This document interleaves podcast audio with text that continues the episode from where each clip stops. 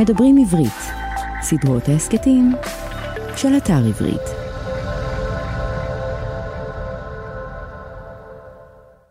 זה היה לפנים ולפני שנים, במלכות עלייה מרפלי, שמדר הילדה, שמה לא תדע, קראתי לה אנבל לי. מסע לב אחר מלבד אהבה, לא היה גם לה וגם לי, ילד הייתי והיא ילדה, במלכות על ים ערפלי. אך ידענו האוב מכל אוהבים, אני ואנבל לי, וראונו שרפי המרום בקנאה, וזעום זעמו לה ולי. זו הסיבה שהיה מעשה במלכות על ים ערפלי. רוח יצא מאבים וצינן, והמית את אנבל לי. ובאו הוריה, אחים קרובים, מבני אצילי גלילי, ונשאוה ממני לקבר אפל, במלכות על ים ערפלי. אין כאושרנו בנווה שרפים, לכן זעמו לה ולי. היא הסיבה שרוח בלילה יצא מאבים, והמית את אנבל לי. אך ידעתי האוב מכולם, מכולם, שרבו שנותם מגילי, ורבה חוכמתה משכלי, ואין שרף או שטן בעולם, ואין שר ביער ערפילי, שיקרא, או יגרע, את הקו של זהב, ביני ובין אנבל לי. את השיר הזה כתב אדגר אלן פה בשנת 1849 ותרגם זאב ז'בוטינסקי. ולא, זה לא עוד פרק על אדגר אלן פה, עליו כבר דיברנו בפרק מספר 7 בסדרה הזו. היום אנחנו עוסקים בספר אחר לגמרי של סופר אחר. אז למה בחרתי לפתוח בשיר של פה? את זה נגלה בהמשך. אז היום אנחנו נעשה כבוד לספר שיצא לאור בשנת 1955 והיה מעל לחצי שנה בראש רשימת רבי המכר ומכר מעל 50 מיליון עותקים. הספר הזה נקרא לוליטה של הסופר הרוסי ולדימיר נבוקוב. אני יודעת שיש כאלה ששומעים אותי עכשיו אומרת נבוקוב ובטח צועקים צוף לא נבוקוב אומרים אה, נבוקוב נבוקוב. אז אה, חברים זה לא נבוקוב זה נבוקוב. השמועות אומרות שנבוקוב אמר פעם שהוא מסוגל לראות בכל אדם שקורא לו נבוקוב אז לא, לא יודעת אני במקומכם לא הייתי מסתבכת איתו. למרות שטוב הוא כבר לא איתנו משנת 1977 אז תעשו מה שבא לכם. אני אישית לא מתעסקת עם בן אצולה. כן כן בן אצולה. ולדימיר נבוקוב נולד ב-22 באפריל 1899 בסן פטרבורג למשפחת אצולה עמידה. את הילדות שלו הוא העביר במסגרות מיוחסות והוא קיבל חינוך תלת-לשוני מגיל צעיר. זאת אומרת, בנוסף לשפה הרוסית הוא גם למד אנגלית וצרפתית וידע כבר מגיל צעיר גם לדבר שוטף וגם קרוא וכתוב בשלוש שפות. סך הכל הילדות שלו הייתה שמחה, גם שנותיו בתור נער. הוא היה מוצלח ועשיר ולא היה חסר לו כלום, אבל אז, בשנת 1917, כשהוא בן 18 בלבד, החלה המהפכה הבולשביקית והיא שמה קץ לשנות הנעורים המאושרות שלו. הוריו נאלצו לנטוש את ביתם, יותר נכון את אה, אחוזתם, והם עזבו את רוסיה ללונדון ולאחר מכן לברלין. באותם ימים ולדימיר נבוקוב עדיין לא ידע זאת, אבל הוא לעולם לא יראה שוב את ארץ הולדתו. עכשיו תראו, אני לא כזאת גאונה בכל מה שקשור לספרות. לצערי, טרם קראתי את כל הספרים בעולם. אני כולה ספרנית שיש לה חולשה קשה ביותר למילים יפות וסיפורים טובים, כן? אז תמיד תוך כדי עבודה על פרק חדש בסדרה הזו, אני ממש עושה עבודת מחקר. אני חלילה לא רוצה להטעות אתכם בפרטים לא נכונים, ואני חייבת לומר לכם שזה הפרק שלקח לי הכי הרבה זמן לעבוד עליו. אתם בטח שואלים, למה, מה, כולה לוליטה, אמנם לא ממש קראנו את הספר, אבל חלקנו ראינו את הסרט, וגם שמענו את המושג הזה, או השם הזה, ווטאבר, אנחנו יודעים פחות או יותר במה מדובר. וזה לא שאני חלילה מזלזלת בכם ואומרת שלא קראתם את הספר, אולי כמה מכם באמת קראו אותו, אני פשוט נצמדת לעובדות שמראות שאומנם הספר הזה נרכש בעשרות מיליוני עותקים, אבל פחות ממחצית האנשים שרכשו אותו באמת קראו אותו. ואלה הם מחקרים שעשו בארצות הברית שהם מראים את זה, כן? עכשיו, למה לקח לי כל כך הרבה זמן לעבוד על הפרק, אתם שואלים? כי הרומן הזה הוא לא דומה לשום דבר שנכתב כאן בכל תולדות הספרות העולמית. אני לא מגזימה, זה ספר שאין לו הגדרה ספציפית של ז'אנר. האם לוליטה הוא ספר מתח מהז'אנר הבלשי? הרי כבר בתחילת הסיפור אנחנו מבינים שהכותב כותב תחת מעצר באשמת רצח. זאת אומרת, יש פה רצח. אבל הוא גם מגלה לנו כבר בעמודים הראשונים מחיים, מי מת, איך, כמה, למה, מתי, אז מה בדיוק המתח פה? האם זה ספר רומנטי, אירוטי, פורנוגרפי? הרי בזמנו אף הוצאה לא הסכימה להוציא אותו לאור מלבד הוצאה אחת שהוציאה חובות פורנוגרפיה. ואלוהים ישמור, אני מאוד מקווה שאנשים שקראו אותו לא חושבים שזה ספר רומנטי או אירוטי, כי אם כן אז תקשיבו יש לכם אה, בעיה חמורה. אז רגע, לא ספר מתח בלשי, לא רומן רומנטי, לא דרמה. אמ, אז אה, טרגדיה, אה, אולי מבחן פסיכולוגי, לא יודעת, לא משנה, אין לספר הזה הגדרה, נו, הוא מורכב. ואיך יודעים שספר הוא ספר מורכב? שיוצאים אחריו מאות, לא עשרות, מאות ספרי עיון ומחקר בכל השפות. ומאות תזות ואלפי מאמרים של אנשי אקדמיה שחקרו כל מילה ומילה בספר הזה. התחביב הגדול ביותר של נבוקוב היה משחק שחמט. והרי שחמט הוא משחק שדורש המון כישורי אסטרטגיה ותכנון וראייה מרחבית וטקטיקה ו... רגע, יש מצב שמצאתי את הז'אנר המתאים לספר הזה? זה, זה ספר שחמט? סתם, אין ז'אנר כזה. אבל אם היה כזה, אז אפשר היה להכניס את הספר הזה בקלות תחת הקטגוריה הזו. כי מה שנבוקוב עושה כאן, זה שלאורך כל הספר הוא שותה לנו רמזים, עובדות קטנות ונסתרות, ים של משחקי מילים. רק שבשביל לקלוט את כל הרמזים האלה צריך לקרוא את הספר פעם נוספת. וגם אז לא בטוח שנצליח לעלות על כל הרמזים ומשחקי המילים ששתולים שם.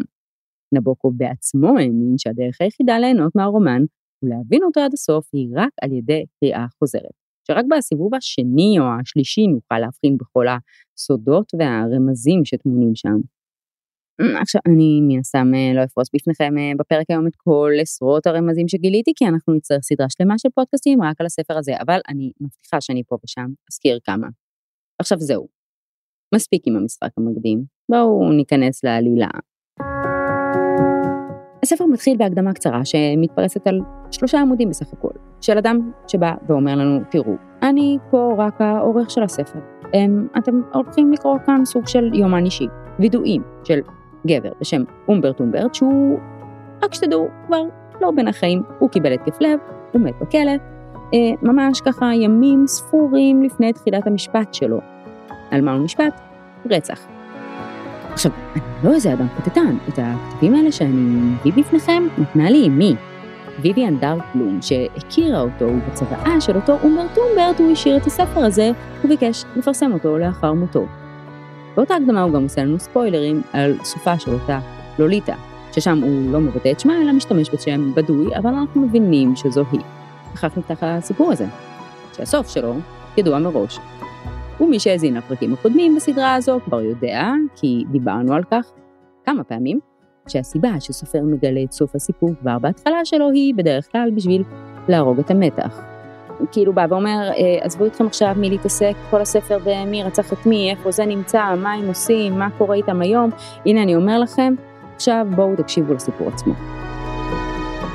אז אוקיי, יש הקדמה שאחריה אנחנו נחשפים לסיפור, יותר נכון לווידואים של אותו הומברט הומברט. הומברט הומברט, גבר בן 37, יפה תואר, מאוד מרשים, מרצה לספרות צרפתית, בן למשפחה מיוחסת בעמידה, ועל פניו אחלה גבר, חלומה של כל אישה. רק שהוא, כמה חבל, לא מתעניין בנשים. זאת אומרת, הוא נשוי, והוא אפילו מתפרק כשאשתו מספרת לו שיש לה רומן, הוא אפילו חושב על לרצוח אותה ואת המאהב שלה. אבל אין לו שום תשוקה אליה, כי היא אישה. תמיד כשאנחנו שומעים לוליטה, אז עולה לנו לראש המחשבה על גבר מבוגר שמתאהב בנערה. אבל כאן לא מדובר בגבר בן 40 שמתחתן עם בחורה בשנות ה-10 או שנות ה-20 המוקדמות לחייה. לזה אין שום קשר ללוליטה. אומברט אומברט לא נמשך לבנות צעירות, הוא נמשך לילדות. הוא קורא להן נימפות. נימפות, לטענתו, הן ילדות שטווח הגילים שלהן נע בין גיל 8 לגיל 14. בגיל 14 ויום הן כבר לא עושות לו את זה, ומבחינתו הן הופכות באותו רגע לתלמידות מעצבנות. לוליטה הייתה בת 12 כשאומברט אומברט פגש אותה. אה, כן, סורי, שכחתי לומר לכם בתחילת הפרק שלהאזנת הפרק הזה רצוי להגיע עם שקית הקאה, למקרה שפתאום אה, עולה לכם כל הגועל נפש. אומברט אומברט בוחר להתחיל את יומן הווידואים שלו בסיפור קצר, והוא משתף אותנו בהתאהבות הראשונה שלו בילדה. רק שדווקא אז הוא היה ילד בעצמו. זאת אומרת, חוויית ההתאהבות וההתעוררות המינית הראשונה שלו הייתה לילדה בגילו. לגיטימי. רק שהם לא מימשו את האהבה הזאת, כי רגע אחרי שהם הסתתרו והתחילו לגעת אחד בשנייה, וממש רגע לפני שהם עברו שלב, ההורים שלה תפסו אותם על חם, ומאותו רגע הם לא נתנו להם להיפגש. ממש אסרו עליהם. ההורים של אותה ילדה היו חברים טובים של ההורים שלו, והוא אכן לא פגש אותה יותר. שוב, לגיטימי. רק שהתשוקה הזו שהייתה לו אליה בתור נער פשוט נתקעה לו, ומאז הוא מחפש אותה בכל ילדה שהוא פוגש. טוב, זה פחות לגיטימי. אגב, שמה של הילדה?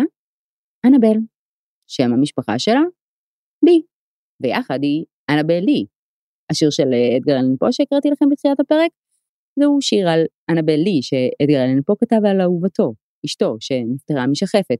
ומי ששמע את הפרק על אדגר אלן פה בוודאי זוכר שכשפה נישא לאשתו, היא הייתה רק בת 13. נבוקוב קורץ לנו פה, תרתי משמע. אגב, השם אנבל מתחיל באנגלית באות A ומסתיים באות L. השם לוליטה מתחיל באות L ומסתיים באות A. ואתם לא מבינים בכלל איזה עוד גילוי פסיכי היה לי עם השמות של שתיהן. כמה חבל שאין לנו זמן, מי שסקרן לדעת מוזמן לשאול אותי באופן אישי. בכל אופן, אומברט אומברט מתגרש ומחליט להעביר את הקיץ במקום רחוק בו הוא יוכל לשבת ולכתוב את עבודת המחקר שלו. ובסוף מוצע לו חדר בבית של אלמנה אחת, בערך בגילו, אישה נאה, אינטלקטואלית, חובבת תרבות, אבל הדבר המלהיב ביותר בה היא בתה בת ה-12, דולורס, הרי לוליטה. הוא מתאהב עד כלות בלוליטה כבר מהרגע הראשון, ולוליטה קולטת את זה ומשתעשעת איתו. בכל זה, בזמן שאימה מתאהבת בו נואשות עד שבשלב כלשהו היא מעמידה בפניו אולטימטום, או שאתה עוזב את הבית או שאנחנו מתחתנים. הוא, כמובן, ממש לא מעוניין בה, אבל הוא מוכן להקריב הכל בשביל להישאר ליד לוליטה. מפה לשם הוא כותב יומן אישי, ובו הוא מתוודה על אהבתו ללוליטה. הוא פורס שם בלי שום צנזורה את כל הפנטזיות והתשוקות הכי תמוסות שהוא חש כלפיה. כן, כן, השקית אה, הקאה, עכשיו, עכשיו. אגב, הוא שומר טוב על היומן הזה, ממש בתוך מגירה עם מפתח. מפתחות זה גם משהו שחוזר לא מעט בסיפור בכל מיני הקשרים וסצנות. כאילו נבוקוב בא ואומר לנו, קחו בחשבון שיש כאן המון המון דברים סגורים בספר, בואו נראה אם תצליחו למצוא את המפתחות הנכונים בשביל להיכנס אליהם. אבל אמה של לוליטה, או כמו שהוא קורא לה, הנקבה, מגלה את היומן, קוראת ומזדעזעת. לא רק שכתובים שם כל וידויי האהבה שלו אל לוליטה, אלא גם כל הרפש והתיעוב שהוא חש כלפיה. היא מתעמתת איתו ואומרת לו שהיא מתכוונת לדווח למשטרה ושהוא הולך לשבת בכלא ונשבעת לו שהיא תעשה כל מה שהיא יכולה בשביל למנוע ממנו להתקרב ללוליטה. הוא מצידו מתרץ את זה בכך שזה בכלל רומן שהוא כותב עכשיו, והוא מנסה להרגיע אותה, אבל היא, לא, לא, לא, לא, היא נחושה בדעתה להכניס אותו לכלא. עכשיו, אתם יודעים מה עצוב כאן? שהיא לא אומרת את הדברים האלה מתוך דאגה לבת שלה. היא פשוט מקנאה.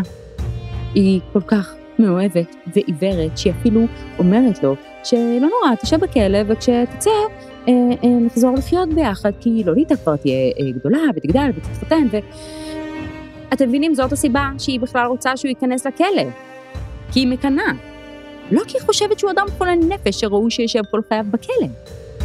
אז היא יוצאת מהחדר. בינתיים הוא מוזג לו כוסית וויסקי, מתיישב עכשיו על מה הוא הולך לעשות ומה הוא הולך להגיד לה, הוא מוזג גם לה כוסית משקר, מתכוון להביא לה את זה, רק שאז צלצול טלפון. הוא עונה. ורגע, אנחנו הקוראים חושבים שמדובר בשיחת טלפון מהמשטרה, אבל לא. השכן מודיע לו שיבוא מהר, כי אשתו נדרסה. עכשיו, הבן אדם בטוח שהיא בבית, הוא לא שמע שהיא יצאה. הוא נכנס לחדר השני ואומר לה, תשמעי קטע, יש כאן מישהו שטוען שנדרסת. אבל היא לא בחדר. הוא יוצא החוצה בריצה ורואה שהיא אכן נדרסה למוות. טוב, זה הרגע המאושר בחייו. קודם כל, היא לא הספיקה אה, לדווח עליו במשטרה, כך שחוץ ממנה וממנו אף אחד לא יודע מה שקרה שם. אבל בעיקר כי עכשיו, באופן רשמי, הוא ההורה היחיד של לוליטה שלו. כל השליטה עליה בידיים שלו. אין שם מי שישמור עליה מפניו. ולפני שאנחנו ממשיכים עם הצלילה שלנו אל תוך עלילת הסיפור, הבטחתי שפה ושם אני אשתף אתכם ברמזים שמגלים רק בקריאה אה, שנייה ושלישית. אז קחו. כשאומברט טומברט מגיע לראשונה לעיירה, בדרכו למשכנו החדש, ללוליטה שלו ולאימה, הוא נוסע במונית, הוא מזדעזע מצורת הנהיגה של הנהגים שם. נהג המונית כמעט ודורס כלב שקופץ לו לכביש וגורם לו לסטות מן המסלול, ובשנייה האחרונה הוא מתעשת וחוזר למסלולו, וכך שניהם ניצלים.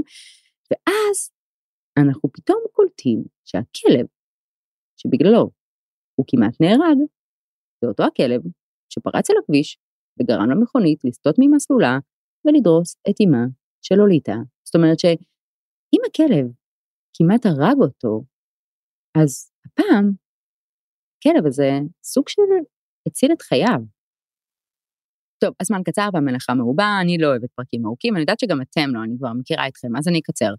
לוליטה, שעד כה רק השתעשעה איתו בפלירטוטים קטנים, המון סצנות שבהן מוזכרים תפוחים, סורי זה חזק ממני, אבל שוב נבוקוב משתיל לנו כאן דימוי של תפוח, שאני לא יודעת מה איתכם, אני מיד הבנתי שהוא שם לנו כאן את התפוח כמטאפורה לתפוח של חווה. אדם וחווה, התמימות שהייתה לחווה כשהיא והנחש עוד היו סבבה, רגע לפני שהנחש הצליח לפתות אותה לנגוס בפרי עץ הדעת. אוקיי, עכשיו כשלוליטה בידיים שלו ואין את אימא שלה שם ברקע שתפריע לו לממש את אהבתו ותשוקתו, הוא מחליט לעזוב את העיירה ולנדוד עם לוליטה ברחבי ארצות הברית.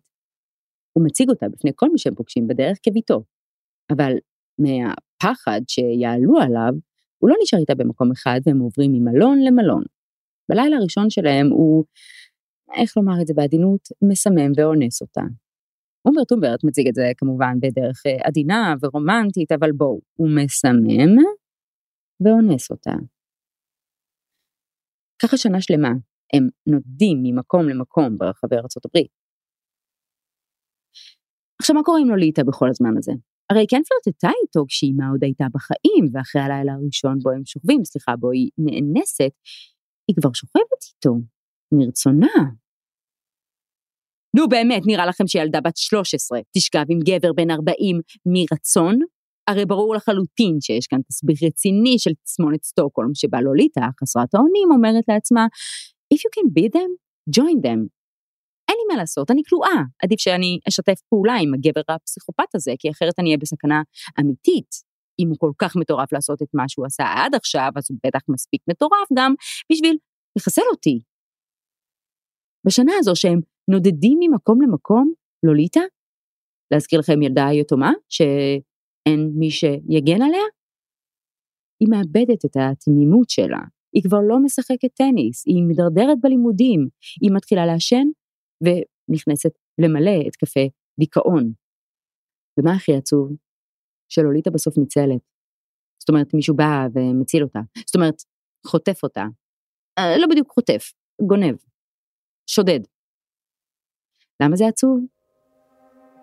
לאדם הזה קוראים קלר קווילטי. אותו קווילטי הוא פדופיל בעצמו. גם הוא חובב נימפות, הוא מחזאי מפורסם, הוא מוצלח, יש לו כל מיני הצגות ומחזות שעולות ברחבי ארצות הברית, והוא עוקב אחריהם במשך כל הזמן הזה, מבלי שאומברט אומברט עולה עליו.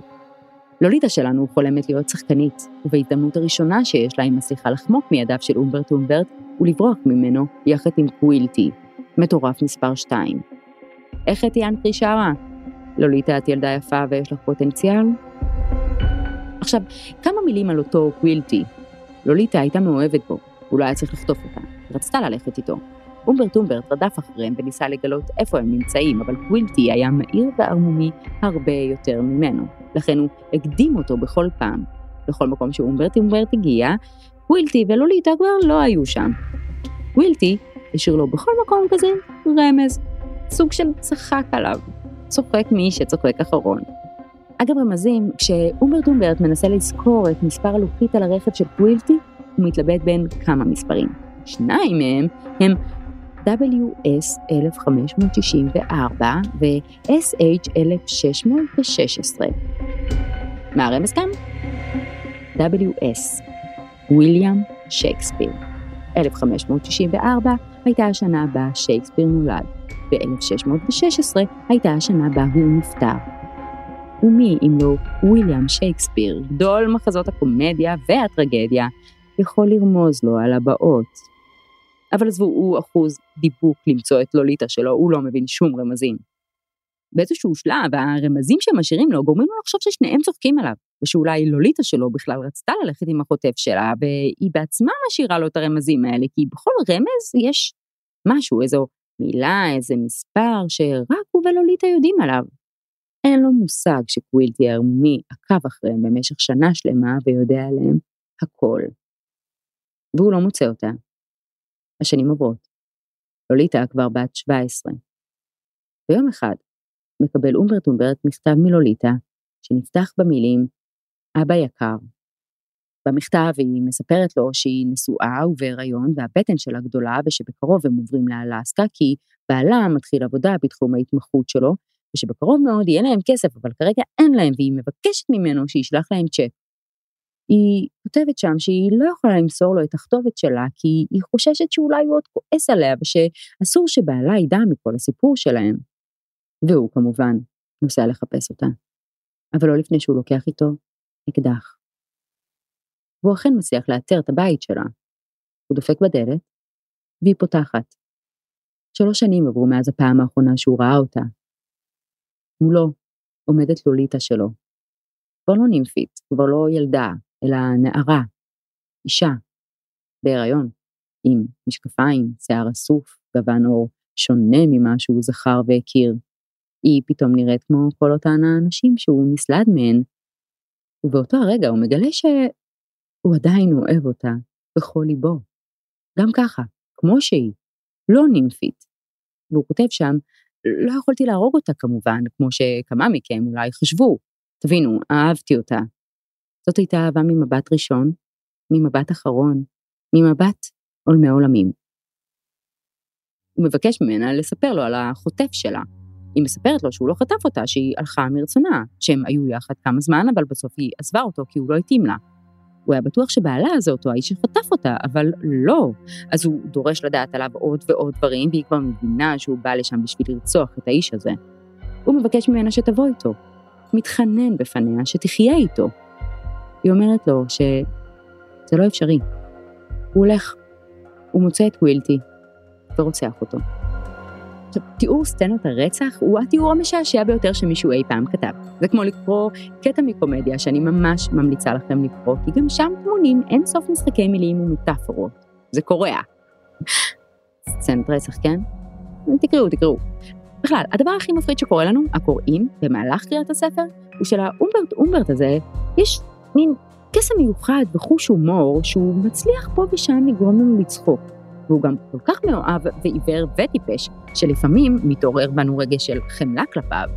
ונבוקוב הזה, אוף, הוא אשם, אני אומרת לכם, הבן אדם גאון שהוא אשכרה גורם לנו, הקוראים, להרגיש את כל הרגשות האלה כלפי אחת הדמויות המעוררות בנפשן והחולניות ביותר שנכתבו כאן. עכשיו, מה השיטה של נבוקוב? הרי כל הספר הזה כתוב כווידוי, יומן אישי של אותו אומברט אומברט. אבל זה לא בדיוק יומן אישי, כי הוא לא כותב את זה לעצמו, הוא כותב לקוראים. הוא יודע שיום אחד מישהו יקרא את זה. אז הוא פה ושם פונה אלינו, הקוראים, ואומר, תקשיבו, תשמעו, בואו תהיו איתי רגע. מה הוא מנסה לעשות פה, אתם חושבים? הוא מכניס אותנו יחד איתו לפשע. אנחנו לרגעים מסוימים מרגישים שאנחנו לא רק צופים בכל הדבר הזה מהצד, אלא ממש שותפים פעילים בפשע שלו. בסוף הספר, שהוא בעצם הסוף של היומן האישי, מסיים אומברט אומברט בכתיבת הצוואה שלו, ובה הוא מבקש שאת הכתבים האלה יפרסמו רק כאשר הוא ולוליטה לא יהיו עוד בחיים. הוא לא יודע שלוליטה כבר כמה חודשים לא בין החיים, הרי מסופר לנו בתחילת הסיפור, בהקדמה הקצרה של עורך הספר, שלוליטה מתה בזמן לידת בתה. שתיהן, גם היא וגם בתה, מתו בלידה. אם תשאלו אותי, סיבת המוות? פחד. רק מהמחשבה שהיא יולדת בת, על זה בדיוק אומרים פחד מוות. עכשיו תסכימו איתי שרק על העובדה הזו, הקטנה הזו, אפשר לכתוב תזה שלמה.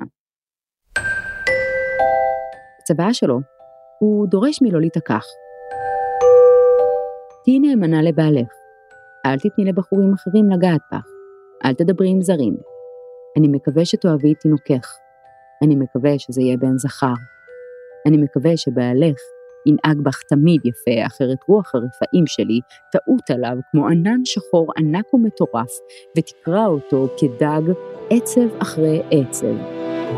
ואל תרחמי על KK, הלו הוא פלייר קווילטי, וטוב היה ש-HH, הלו הוא אומברט אומברט, יתקיים לפחות עוד כמה חודשים, רק בשביל שאוכל לכתוב את הסיפור שלנו, וכך בעצם להחיות אותך מחדש, לא רק בלבי אלא גם למען הדורות הבאים.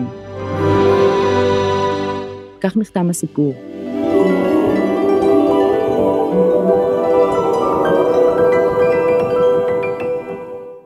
דבר אחרון לסיום.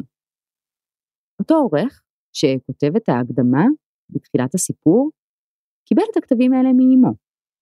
לאמו קראו ויויאן דארקבלום, והיא הייתה השותפה של קלר קווילטי, יד ימינו. עכשיו, אם תשחקו עם האותיות של השם ויויאן דארקבלום, תקבלו את השם ולדימיר נבוקוב.